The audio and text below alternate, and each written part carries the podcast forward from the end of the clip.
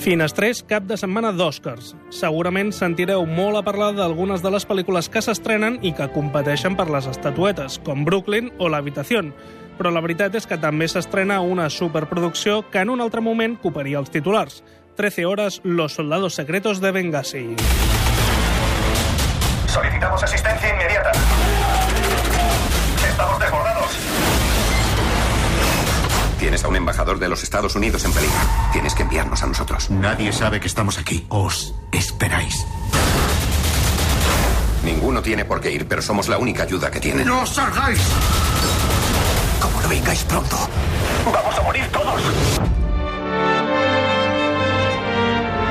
Dirigida pel sempre adrenalític Michael Bay, explica la història real d'un grup de soldats que van aguantar un setge de 13 hores a l'ambaixada americana a Benghazi, Líbia, l'11 de setembre del 2012.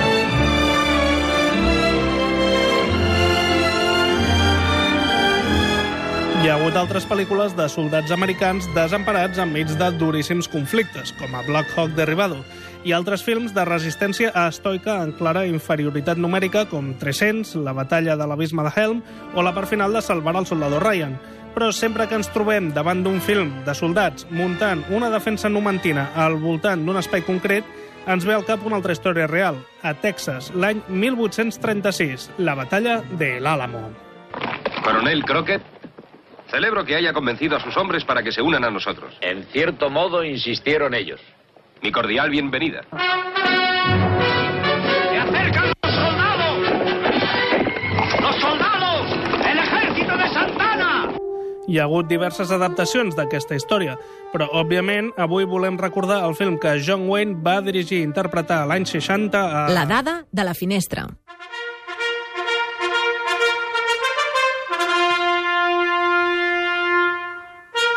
El primer dia de rodatge, John Wayne va fer venir un clergue perquè llancés una oració en favor del rodatge i dels homes que havien mort allà. Va ser molt a prop de la zona on la batalla va tenir lloc, i amb les 342 persones de l'equip de rodatge com a testimonis.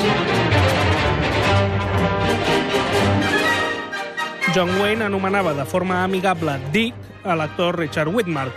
Quan Whitmark li va dir que li digués Richard, John Wayne va començar a pronunciar el seu nom de forma molt exagerada. Oh, Richard, està preparat per rodar la següent escena? Richard, etc etc.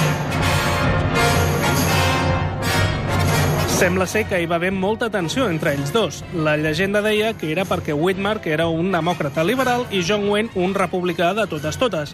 Però anys més tard, Richard Whitmark va dir que era perquè John Wayne en realitat era un mal director, cosa que va confirmar Ken Curtis dient que no sabia motivar els actors per a l'escena. De fet, John Wayne volia que Richard Whitmark interpretés el seu paper de David Crockett i ell centrar-se en dirigir la pel·lícula, però els números només quadraven si ell interpretava un dels papers importants i s'estalviaven la contractació d'un altre actor. Així que Wayne va fer de Crockett i Whitmark de Jim Bowie. Wayne va finançar ell mateix part de la pel·lícula. El rodatge es va endarrerir un parell de cops per problemes de producció. Estava sota tant d'estrès que sempre que no estava en pantalla estava amb una cigarreta a la boca. De fet, per qüestions de pressupost, Wayne volia rodar el film a Mèxic. Va rebre una carta de l'associació Les Filles de la República de Texas dient que si rodava a Mèxic no se li ocorregués aparèixer per Texas per presentar-la. Wayne va aconseguir convèncer un terratinent anomenat Happy Shahan que els va cedir els seus terrenys per a rodar la pel·lícula. Tot i així, quan a Wayne li van presentar el constructor dels escenaris, es va quedar de pedra al veure que era un immigrant mexicà. Wayne li va preguntar si era realment capaç de construir El Álamo. L'immigrant li va contestar «És vostè capaç de fer una pel·lícula?»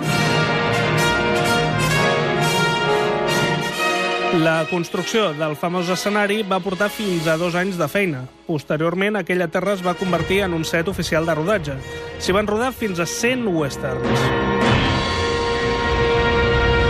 Per rodar la famosa batalla van necessitar fins a 7.000 extras, 1.500 cavalls i 400 caps de bestiar. La pel·lícula va ser prohibida a Mèxic. Oh, quina sorpresa, veritat?